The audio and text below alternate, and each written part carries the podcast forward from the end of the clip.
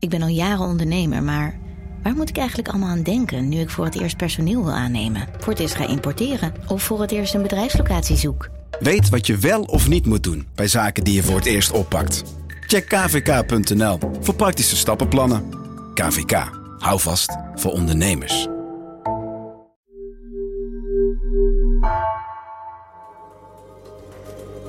Het is vrijwel donker als de 25-jarige Ibrahim op de Rotterdamse Akkersdijkstraat richting de Bergse Laan loopt.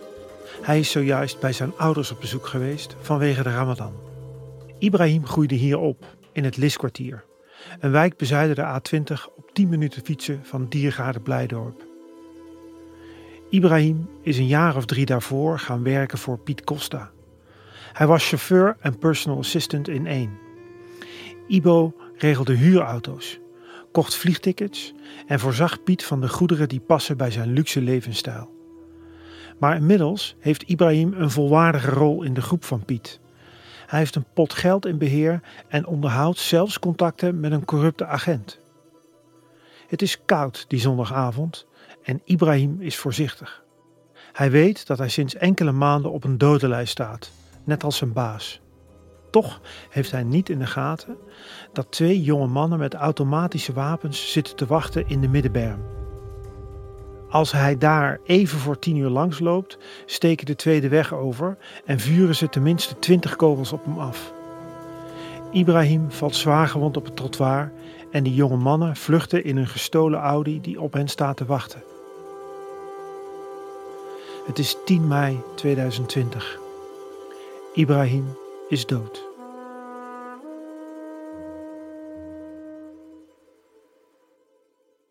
Ja, eerst hoorden we keiharde knallen. Bijna een halve minuut uh, aan geknal in, in de wijk. En dan denk je gelijk aan vuurwerk natuurlijk. Natuurlijke reactie, maar drie seconden later denk je... ja, het is mei, niemand heeft vuurwerk meer. Uh, dus dat moet foute boel zijn. Het was ook wel heel hard. Vincent Karamans is fractievoorzitter voor de VVD in de Rotterdamse gemeenteraad. Hij is getuige van de aanslag op Ibrahim en wordt vlak daarna geïnterviewd door RTV Rijnmond. Uh, toen ben ik naar buiten gegaan, uh, ben ik uh, naar de hoek van de Akkerdijkse straat en de Bergselaan gerend. zag ik daar heel veel mensen staan, huilen, krijzen, gillen en werd een man gereanimeerd. Dus er waren al mensen bij. maar blijkbaar dus een, een ja, een, een afrekening.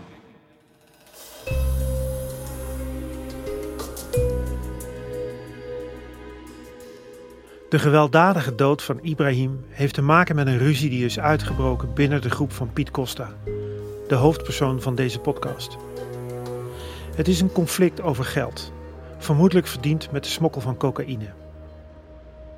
Dit conflict heeft niet alleen grote gevolgen voor de criminele carrière van Piet Costa zelf, maar strekt veel verder. Argeloze burgers worden opgeschikt door grof geweld in hun eigen buurt. En cocaïnesmokkel leidt tot grootschalige corruptie en witwassen.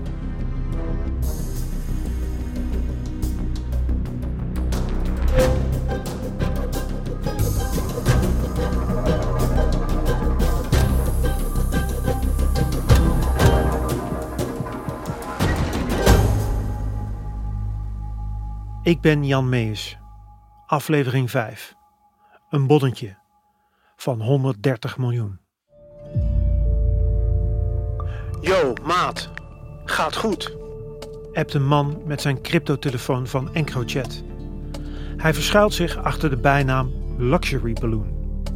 Op één ding na. A1 heeft me zwaar bestolen.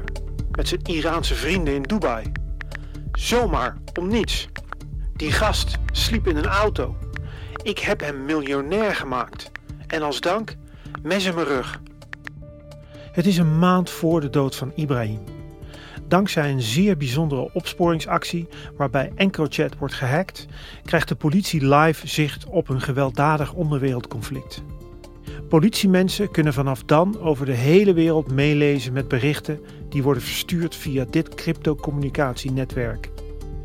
EncroChat is heel populair geworden in de onderwereld nadat de politie eerder miljoenen opgeslagen PGP-berichten heeft bemachtigd van onder andere PGP Safe en Enetcom. EncroChat heeft tienduizenden klanten, in Nederland en ver daarbuiten.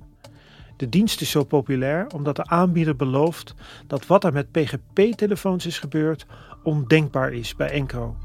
We slaan geen berichten op en dus kunnen ze ook niet worden teruggevonden. Maar een team van specialisten uit Frankrijk en Nederland bedenkt iets anders. Ze hacken EncroChat zodat er berichten live kunnen worden meegelezen. Het is een ongekende operatie die ruim een jaar voorbereiding heeft gekend. Maar als het dan lukt, is het resultaat schokkend. Zelfs voor ervaren opsporingsambtenaren. Ook zij schrikken van de omvang van de drugshandel die zichtbaar wordt. En van het geweld dat daarmee gepaard gaat. Een van de Encro-klanten is Luxury Balloon. En al snel ontstaat het vermoeden dat achter die bijnaam Piet Costa schuilgaat. De politie leest mee als Piet Costa het heeft over een handlanger die hij aanduidt met de bijnaam A1. Het zou gaan om de naar Nederland gevluchte Iranees Ali Reza D. En Piet zegt dat Ali 130 miljoen van hem heeft gestolen. Het is oorlog. En als het dan lukt, ja, ja dat is natuurlijk gewoon, uh, daar word ik wel een blij mens van. Omdat je dan weet, wacht even, op dit moment zijn we in control. Dan weet je van, oké, dit worden gewoon een leuke paar weken, maanden of zolang het dan duurt. En die Kraag is de baas van de landelijke recherche. Hij vertelde in aflevering 2 hoe de politie erin is geslaagd om versleutelde berichten van criminelen te gaan gebruiken als bewijs in strafzaken. Kraag is erbij als de eerste resultaten van de hack van EncroChat binnenkomen op 3 april 2020. Na ruim een jaar voorbereiding en een valse start is de opwinding bij Kraag tastbaar als het eenmaal zover is. En dan zie je ook echt wel dat die tsunami aan berichten over de schermen van die honderden analisten, dat die binnenstromen. Uh, en dan zie je natuurlijk ook in straattaal, uh, het, is ook, het is eigenlijk een apart woordenboek wat je moet hebben. Nou goed, Jan, je weet exact wat die straattaal is, daar heb je even de tijd voor nodig. Maar dan weet je gewoon dat het bingo is. Het gevoel wat het je geeft is gewoon, ik noem het maar full control. Je zit er gewoon op. Het is gewoon wat je normaal gesproken gewoon altijd het idee hebt voor wat alleen in films gebeurt. Ik heb een andere regisseur die noemde het wel eens, het is niet helemaal vergelijkbaar, maar ik vind het wel leuk. En die noemt het Minority Report. Ik weet niet of je die film kent met Tom Cruise. Dat was ook dus dat je eigenlijk als, als opsporingsdienst van tevoren gewoon weet wat er gaat gebeuren. Dat is een beetje het gevoel wat ze hadden. Good afternoon. Ladies and gentlemen, my name is Han Moraal. I'm the national member for the Netherlands at Eurojust. Uiteindelijk wordt er een internationale persconferentie belegd op het hoofdkantoor van Europol in Den Haag. Daar wordt de hack van EncroChat officieel wereldkundig gemaakt. Today we welcome you to listen to French, Dutch and EU judicial and law enforcement authorities who will present to you an international criminal investigation and prosecution. Bonjour à tous.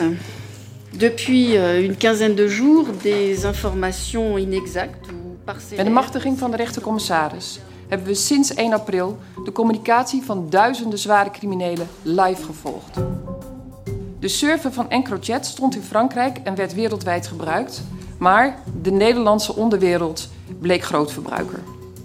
Het was alsof we bij de criminelen aan de vergadertafel zaten.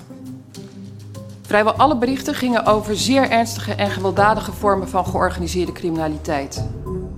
In dit onderzoek stuiten we ook op aanwijzingen van informatielekken bij overheidsdiensten, waaronder de politie. Dit onderzoeken we en het spreekt voor zich dat we dit uiterst serieus nemen.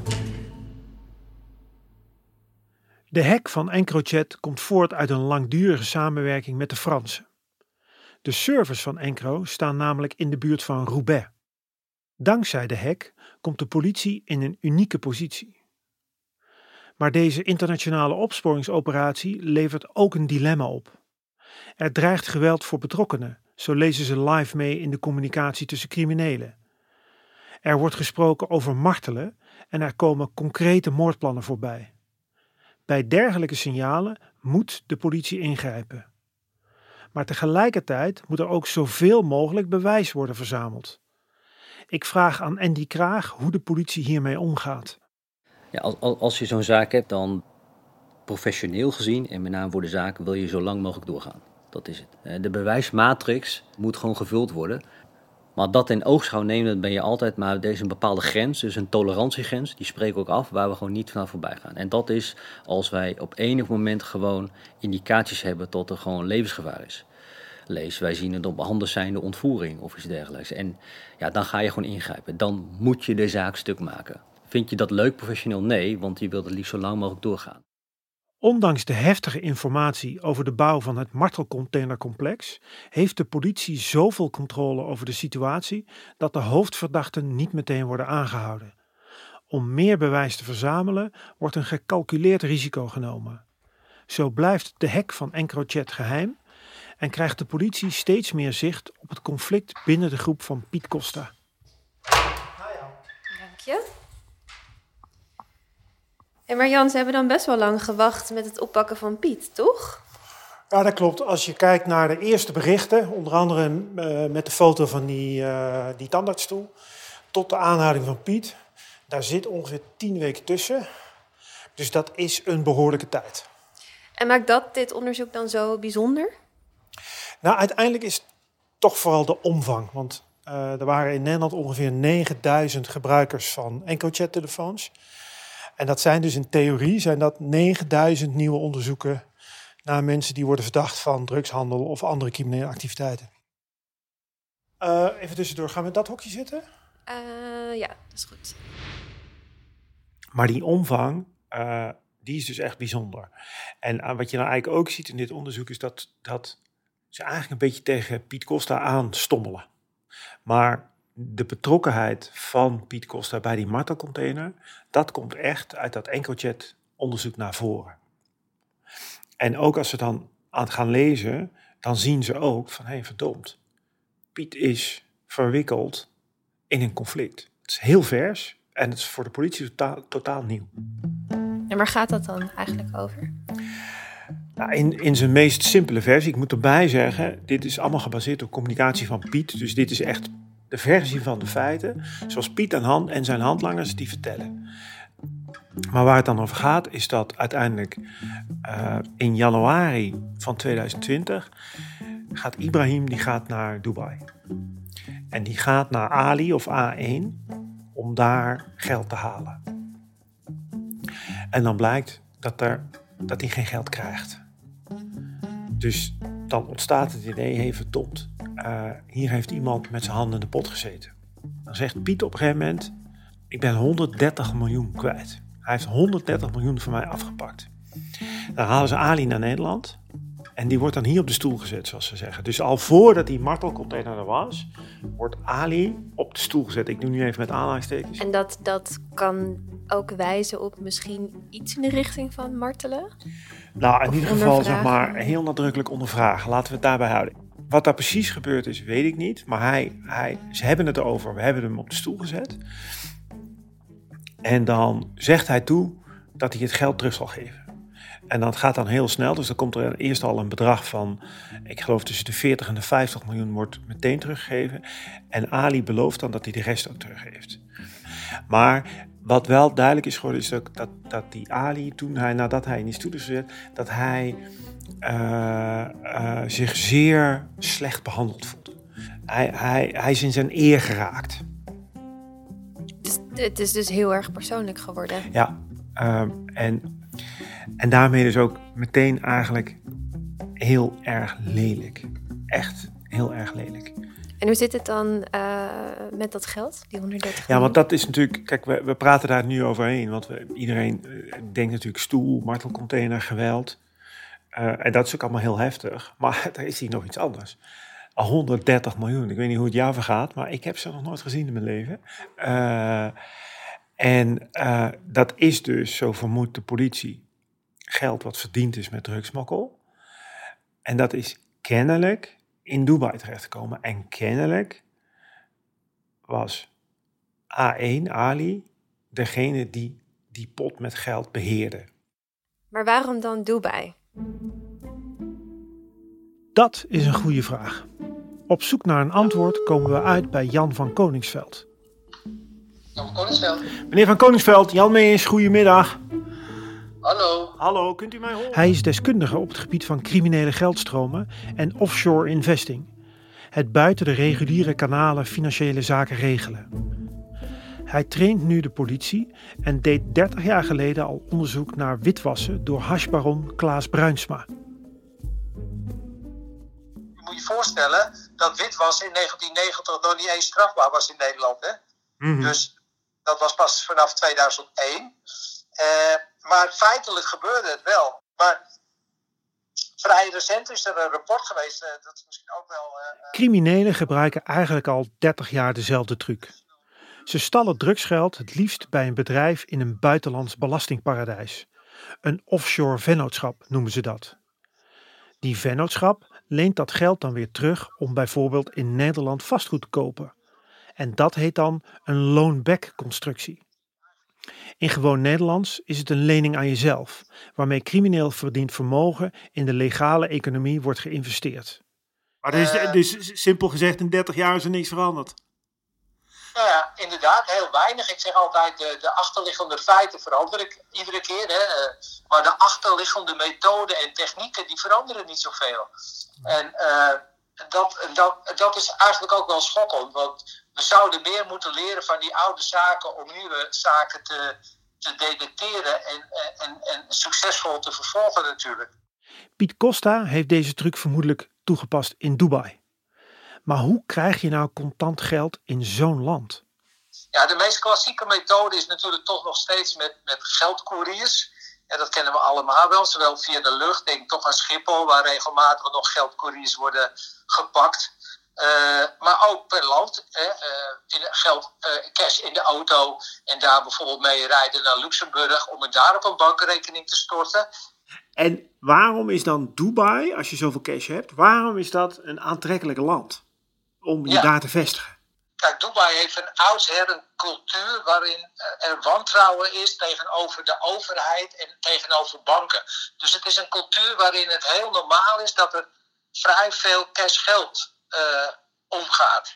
En dus daar is het, het valt eigenlijk niet op als jij daar eh, eh, 10 miljoen op een bank eh, stort of opleent. Of dat jij cash in een auto koopt of dat jij vastgoed cash koopt. Dat leidt niet tot vraging. Ten tweede is het daar ook heel makkelijk in Dubai om een, om een offshore vennootschap eh, eh, te kopen, een bankrekening te openen en dat dan te gebruiken om vastgoed te kopen of, of daar eh, transacties mee te gaan verrichten.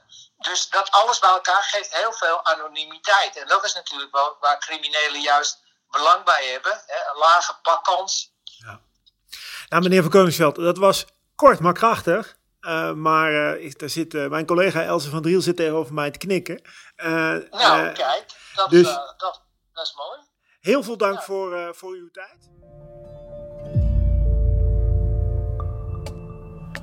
Bro, hoe ver ben je met ABN Vervoer? Vraagt Piet Costa op zaterdag 4 april 2020. Bijna af, krijgt Piet te horen van iemand die de bijnaam Slempo hanteert. In de dagen daarna krijgt Piet foto's met begeleidende teksten. Drie keer geïsoleerd. Als je ernaast staat hoor je niks, luidt het bericht van Slempo, die daarna een aantal smileys stuurt. Dan komt een serie foto's van containers in een loods. Op één van die foto's is de tandartsstoel te zien, die in een met zilverkleurig folie geïsoleerde ruimte staat. Top, laat Piet weten. Nu de voertuigen nog. Pak alles wat je nodig hebt. Wat in januari van 2020 is begonnen als een ruzie over 130 miljoen, is binnen vier maanden geëscaleerd tot een conflict op leven en dood. De belofte dat Piet zijn geld terug zou krijgen is niet nagekomen. Sterker nog, Piet komt erachter dat hij en zijn handlangers door A1 op een dodenlijst zijn gezet. Ik ben normaal niet van deze afdeling, appt Piet Costa aan Slempo. Maar er zijn er nu een paar. Ik hoop dat ik ze kan martelen. Wat is er toch gebeurd met Piet Costa, de man die wars was van geweld? Ze dwingen je maat, appt Slempo aan Piet. Het is neuken of geneukt worden.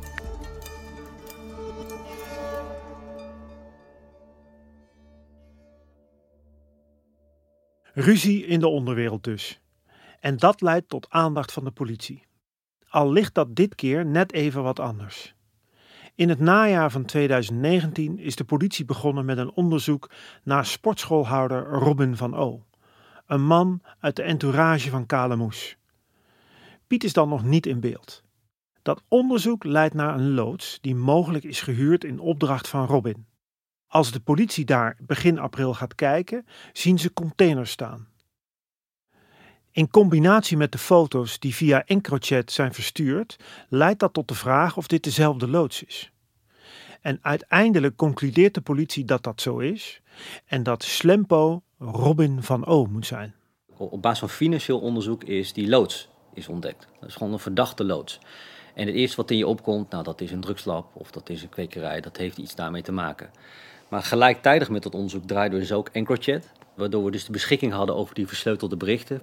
Dus dan kom je in één keer achter die intentie. Dan zie je de foto's voorbij komen van de opbouw van zo'n uh, onderwereldgevangenis. Je ziet uh, wat de bedoeling is, dat ze van plan zijn om hun concurrenten te ontvoeren met een eigen geformeerde arrestatieteam, die ze ook zo noemen. Ze noemen het je eigen arrestatieteam, ze noemen het hun eigen EBI, hun uh, extra beveiligde inrichting. Ehm, ja, dan gaan we alle alarmbellen af en dan denk je, waar gaat het heen? Hebben jullie ook mee kunnen lezen op het moment dat uh, criminelen erachter kwamen dat jullie mee konden lezen? Uh, ja, de, um, uh, we zaten in de live fase van EncroChat. en dat duurde natuurlijk maanden. En dan weet je gewoon op een gegeven moment is dat omdat je gedurende die live fase je gouden kansen pakt. En gouden kansen dat zijn in beslagnames van grote cocaïnepartijen, drugslabs, geld. En dat, dat laat je niet lopen. Dus die gouden kansen die pak je met opvolgsteams, met recherche. Maar dat levert gewoon argwaan op. Daar gaan criminelen ook denken, hoe kan dat nou tot de politie zoveel in zo'n korte tijd pakt? Um, en dan wordt er ook wel gezegd, zo goed kunnen ze niet zijn. Nou ja, dat, dat, daar moet ik dan wel om lachen. Maar kijk, uh, wat het is, is dat je ziet dat tegen het einde, dat voel je ook wel aan, dat er steeds meer argwaan is over zo'n, uh, over die communicatie. En bij EncroChat was het ook zo dat je gewoon ook echt zag dat men, dat de criminelen in EncroChat daarover aan het praten waren. Ja, volgens mij uh, luistert de politie mee of is het gecompromitteerd. Overigens wel grappig is dat ze dat dan nog steeds over diezelfde communicatie doen. En dan uh, zie je ook eigenlijk wel als politie van oké, nu wordt het moment dat we een soort van eindfase ingaan. Voordat het echt helemaal op slot gaat, gaan we dan, en we noemen dat de klapdag. Dan ga je alles nog even één keer uit de kast halen en dan ga je alle laatste leads ga je eruit halen. Je probeert alleen dat moment zo lang mogelijk uit te rekken, om zoveel mogelijk rendement te halen. Omdat niet meteen wordt ingegrepen, ziet de politie na de moord op Ibrahim dat Piet Costa en Robin van O elkaar fysiek ontmoeten in Den Haag. Het is voor de politie de bevestiging van het idee dat Piet de gebruiker is van het alias Luxury Balloon en mogelijk de opdrachtgever is van de martelcontainer die door Robin van O is ingericht. En als die balans dan uitslaat van we hebben voldoende bewijs en de risico's worden te groot, dat is voor mij samen met het Openbaar Ministerie het moment om dan te zeggen: oké, okay, dan, dan is het nu voldoende en dan gaan we nu over tot de actie en dan gaan we ingrijpen. Ja, er komen steeds meer details vrij over de zaak rond de zeven zeecontainers in het Brabantse Wouwse plantage. Ze zouden waarschijnlijk als gevangenis en martelkamer gebruikt worden. Goedenavond. Het zijn beelden die je normaal in misdaadfilms ziet, maar wat we zo gaan zien is echt. De politie heeft een video vrijgegeven van de inval in een loods in Wouwse Plantage twee weken geleden. Criminelen hadden in die loods onder meer een martelkamer.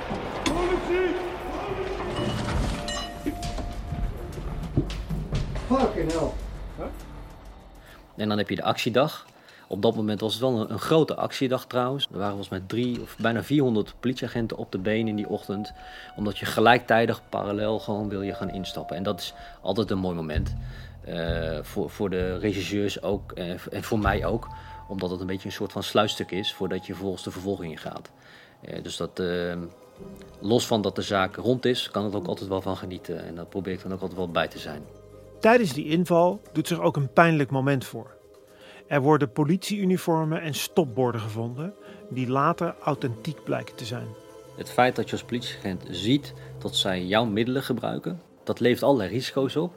Want uh, de volgende keer dat je als arrestatieteam naar een verdachte gaat, dan kan die verdachte ook zeggen: Ja, maar ik dacht niet dat het een arrestatieteam was. Ik dacht dat het de, de concurrentie was, want die beschikken ook over die uniformen. Dat maakt je gewoon kwetsbaar als politie. En aan de andere kant, het feit dat ze over die middelen beschikken, ja, dat hebben ze natuurlijk via contacten.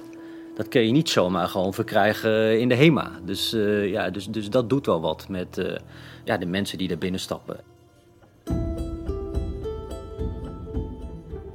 Bro, lees net in het Popo-systeem.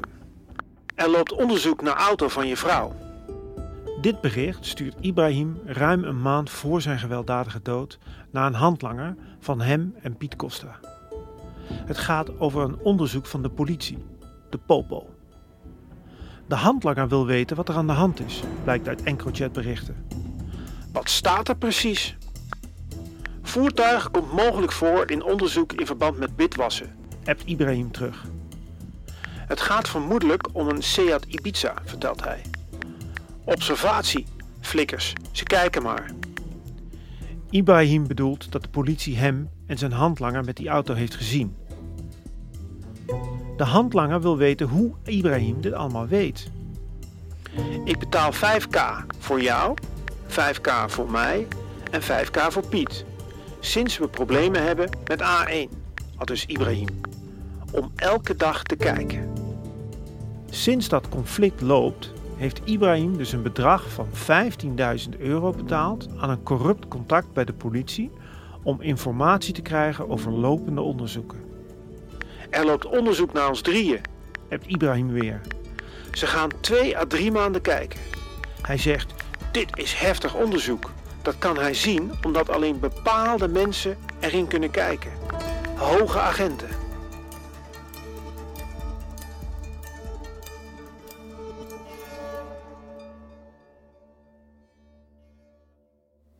Jan, die politieuniformen die werden gevonden in de martelcontainer. Hoe kan het nou dat die diefstal niet is opgemerkt? Um, nou, daar zit een bijzonder verhaal achter, die uniformen. Um, er zijn natuurlijk heel veel politieuniformen, dus dat die diefstal niet wordt opgemerkt, kan me nog iets bij voorstellen. Maar dat bijzondere verhaal, dan moeten we eigenlijk in de tijdlijn uh, van Piet even terug naar de periode voor de moord op Ibrahim. Maar Ibrahim is toch al twee maanden dood als de martelcontainer wordt ontdekt? Ja, dat klopt. Uh, maar hij is eigenlijk degene die met die uniformen uh, iets te maken heeft. Een week na de moord op Ibrahim, als ik het nu goed zeg, dan wordt er een corrupte agent aangehouden. En in de weken daarna, uh, dan onthullen de collega's van de Telegraaf de naam van die agent. Hij heet Orm K. Op het moment dat Orm wordt aangehouden, dan blijkt dat hij naast zijn bed ligt een telefoon van EncroChat. En dan blijkt dus, als ze die telefoon weten open te krijgen, dan blijkt dus dat hij degene is die uh, communiceert met een man die, de, die de, de, de alias Typical T gebruikt. En dat is Ibrahim. Zo blijkt uit het politieonderzoek. En uiteindelijk is dus die OMK degene die, als Ibrahim het heeft over we kijken in de Popo-systemen, dan is dat dus ORMK die dat doet. Uh, hij heeft uh, hem daarvoor betaald. En dan gaat hij dus zeg maar in die politiesystemen zoeken naar informatie over Ibrahim en Piet. En uh, wat dan ook wel bijzonder is, in diezelfde periode vertelt dan dus die Orm tegen Ibrahim, ja, dan loopt nog een ander onderzoek uh, maar daar kunnen alleen maar hoge functionarissen, hoge politiemensen kunnen daarin. Dat was dus het vermoedelijk het EncroChat-onderzoek.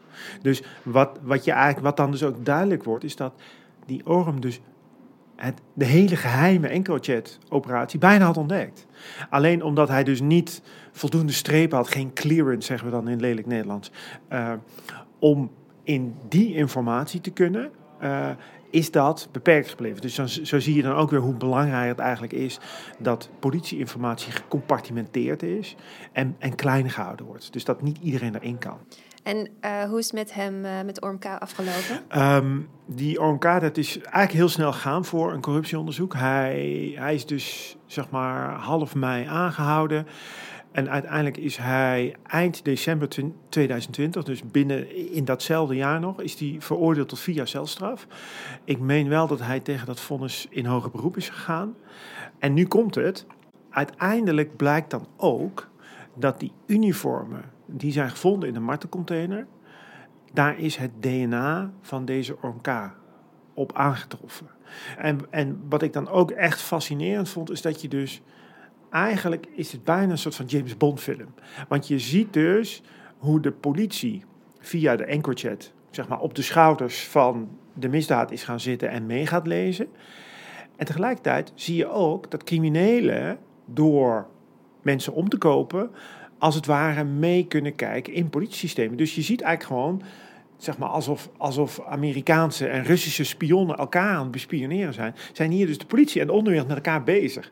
In die live berichten ontrolt zich dat, zeg maar, real time. Eh, Als het niet zo tragisch was, was het schitterend. Wat het zo bijzonder was, is dat de snelheid waarmee dit gaat. Eh, want je hebt dus, je gaat zeg maar in april ga je, ga je hacken en kan je meelezen. Dan, eh, nou, dan, dan ontrolt zich dus dat conflict. En wordt er binnen vijf, vijf, zes weken wordt iemand doodgeschoten. Binnen twee maanden wordt er een, een, een corrupt politiecontact aangehouden. Nou, dan wordt Piet zelf uiteindelijk aangehouden. En met hem een hele club andere verdachten. En dan zijn we dus in de vroege zomer van 2020. En want dat, dat vergeet ik nog te zeggen. Kijk, ik ga er dan over schrijven. Terwijl dat onderzoek nog loopt. En dat vinden ze dan bij de politie en, bij de, het Openbaar Ministerie soms heel irritant. Soms vinden ze het leuk, maar soms vinden ze het ook irritant. Van ja, want we zijn nog aan het uitzoeken hoe het nou precies zit. En dan, kom jij eh, met al die stukken. Dan weet iedereen het.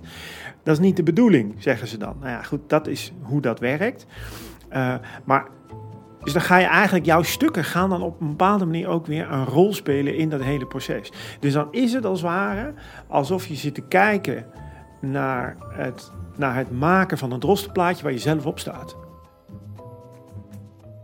Op basis van de informatie uit EncroChat loopt er nog altijd onderzoek naar corruptie binnen de politie. Dat wordt gedaan door een speciale eenheid. Zo af en toe komen er berichten naar buiten over verdenkingen of aanhoudingen van politieagenten. Maar het antwoord op de cruciale vraag hebben we nog altijd niet. Is dit een serie incidenten of is er structureel sprake van corruptie binnen de politie?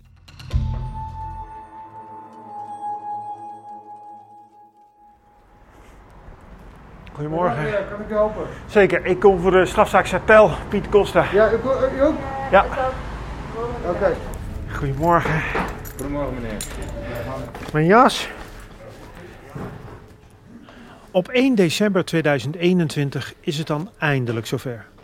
Ruim anderhalf jaar na zijn arrestatie komt Piet Costa voor het eerst naar de rechtbank. In Rotterdam, waar de rol van Piet wordt besproken bij de smokkel van cocaïne vanuit Costa Rica. Dit is dus niet de zaak over de martelcontainer. Die begint ongeveer gelijktijdig in Amsterdam. Ah, die slaat over hier. Die is zo smerig. Onderweg naar de zaal komen we de advocaat van Piet Costa tegen. Jan Hein Kuipers. Zo Jan Hein, hoe is het? Goed, Ja? Ja, prima. Heb je er zin in vandaag? Elze en ik nemen plaats op de tribune van de rechtbank. Nieuwsgierig naar wat komen gaat, zien we dat er een man in een rolstoel wordt binnengereden. Hij heeft een blauwe capuchon over zijn hoofd en een mondkapje op. Is dit hem nou? Ja, dit is hem nou. Roger P. Inmiddels beter bekend als Piet Costa.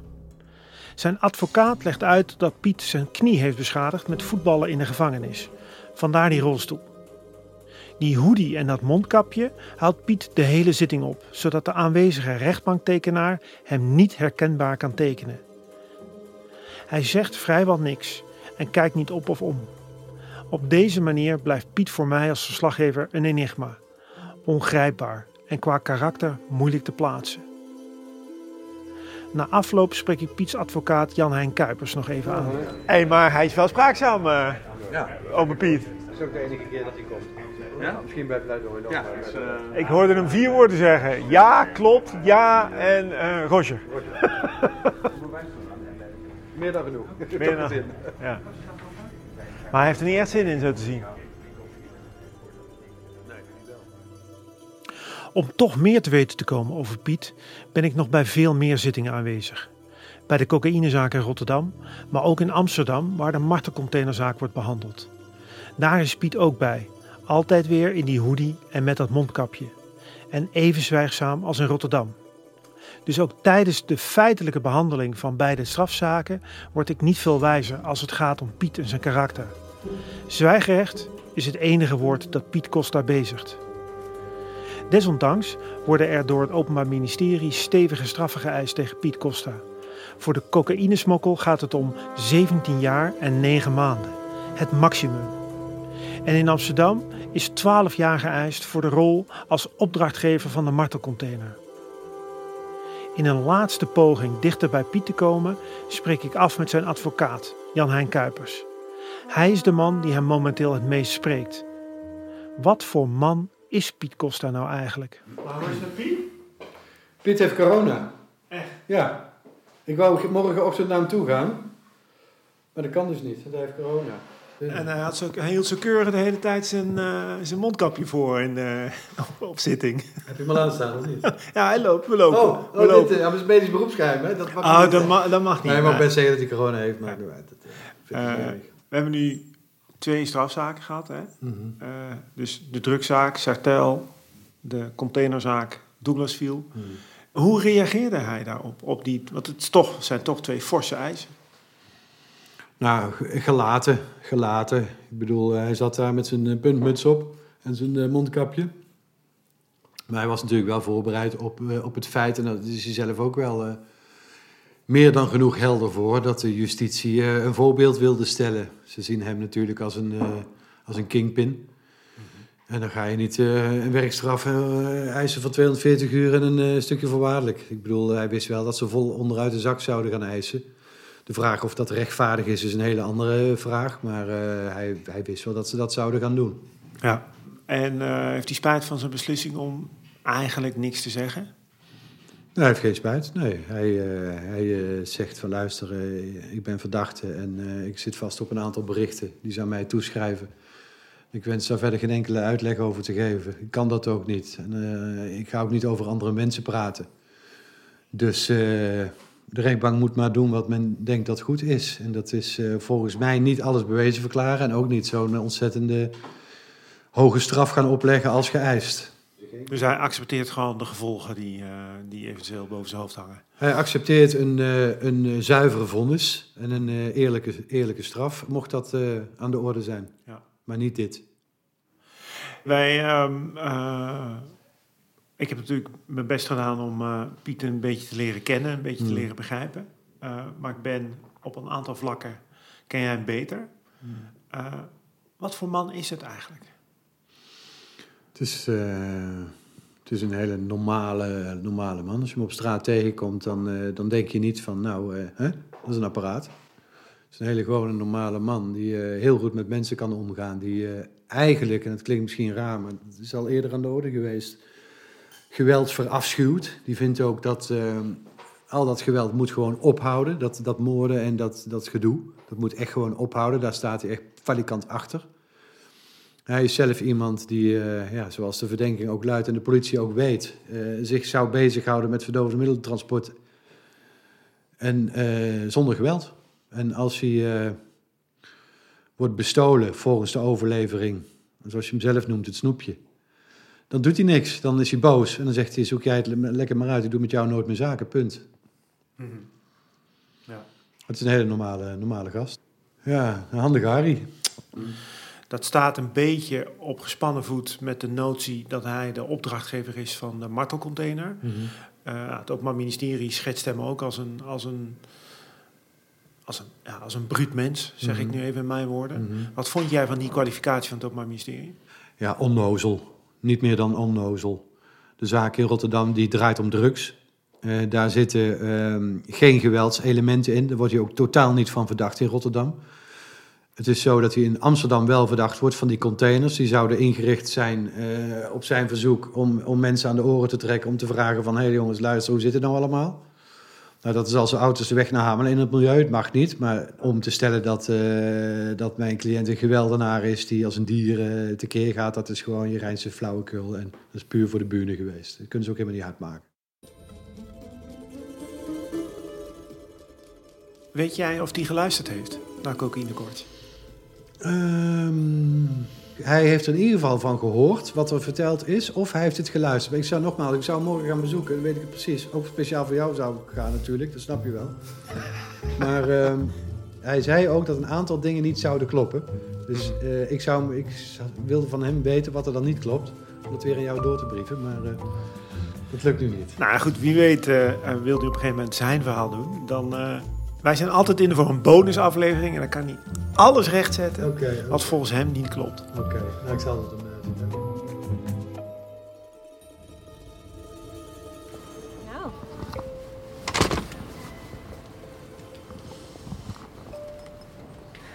Dat eh, was hem dan. Het zit erop, Het zit erop.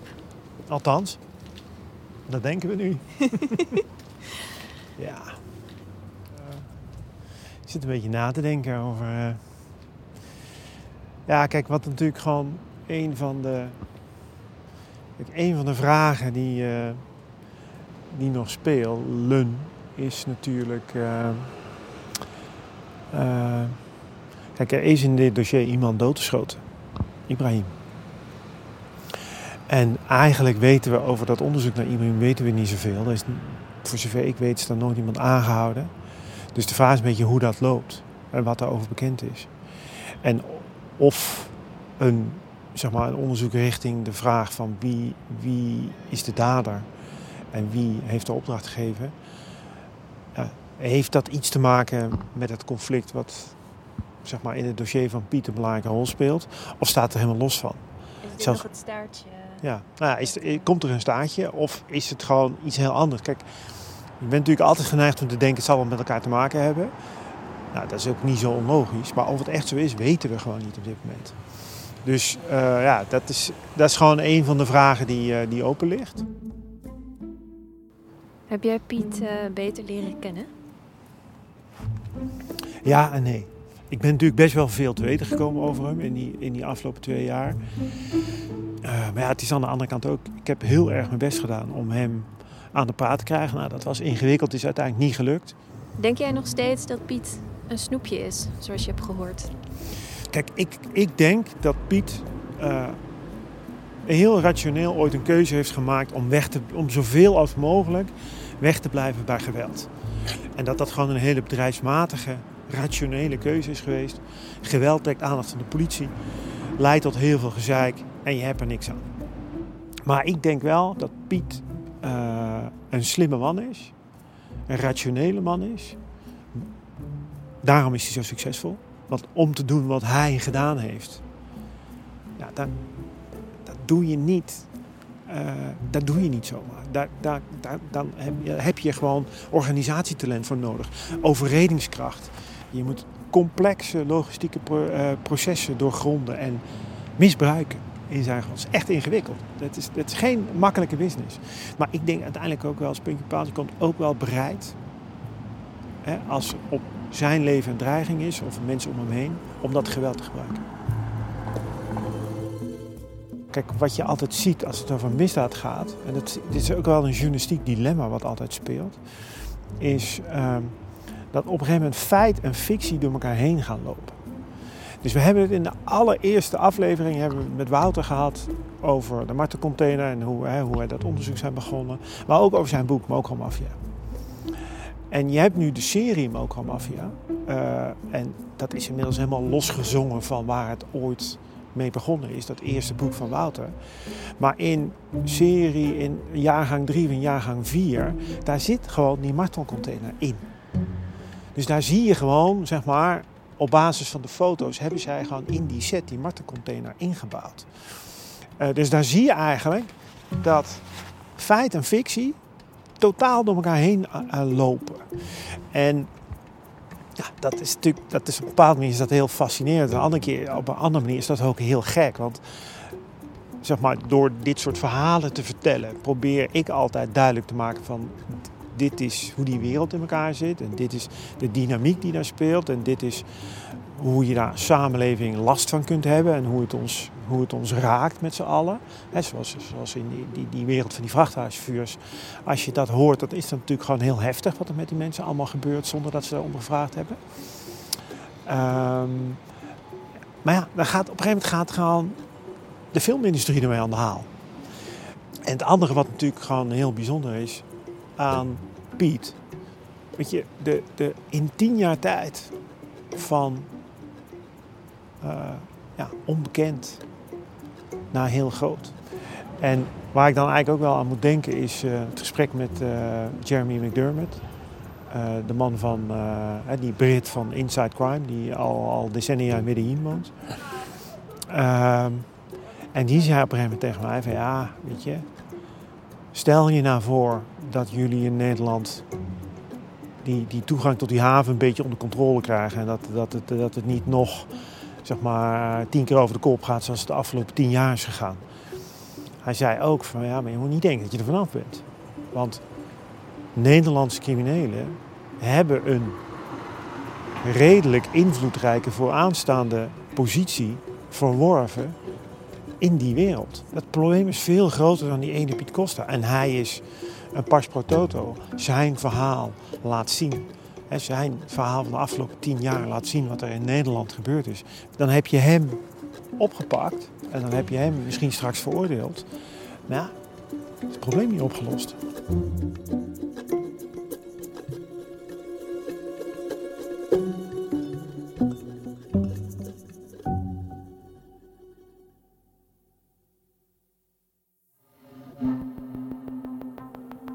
Dit was de vijfde en voorlopig laatste aflevering van Cocaïne Koorts 2. Een podcast van NRC. Gemaakt door mij, Jan Meijers, Elze van Driel, Tessa Kolen en Felicia Alberding. De montage werd gedaan door Jeppe van Kesteren, Jeroen Jaspers en Yannick Middelkoop. En de muziek is van Jeroen Jaspers en Bas van Win. Eindredactie was in vertrouwde handen van Peter Santing, Ido Havinga en Anne Moraal. Mede namens Elze van Driel dank ik bij deze al mijn collega's voor hun hulp en toewijding. En u voor het luisteren uiteraard. Hopelijk tot snel.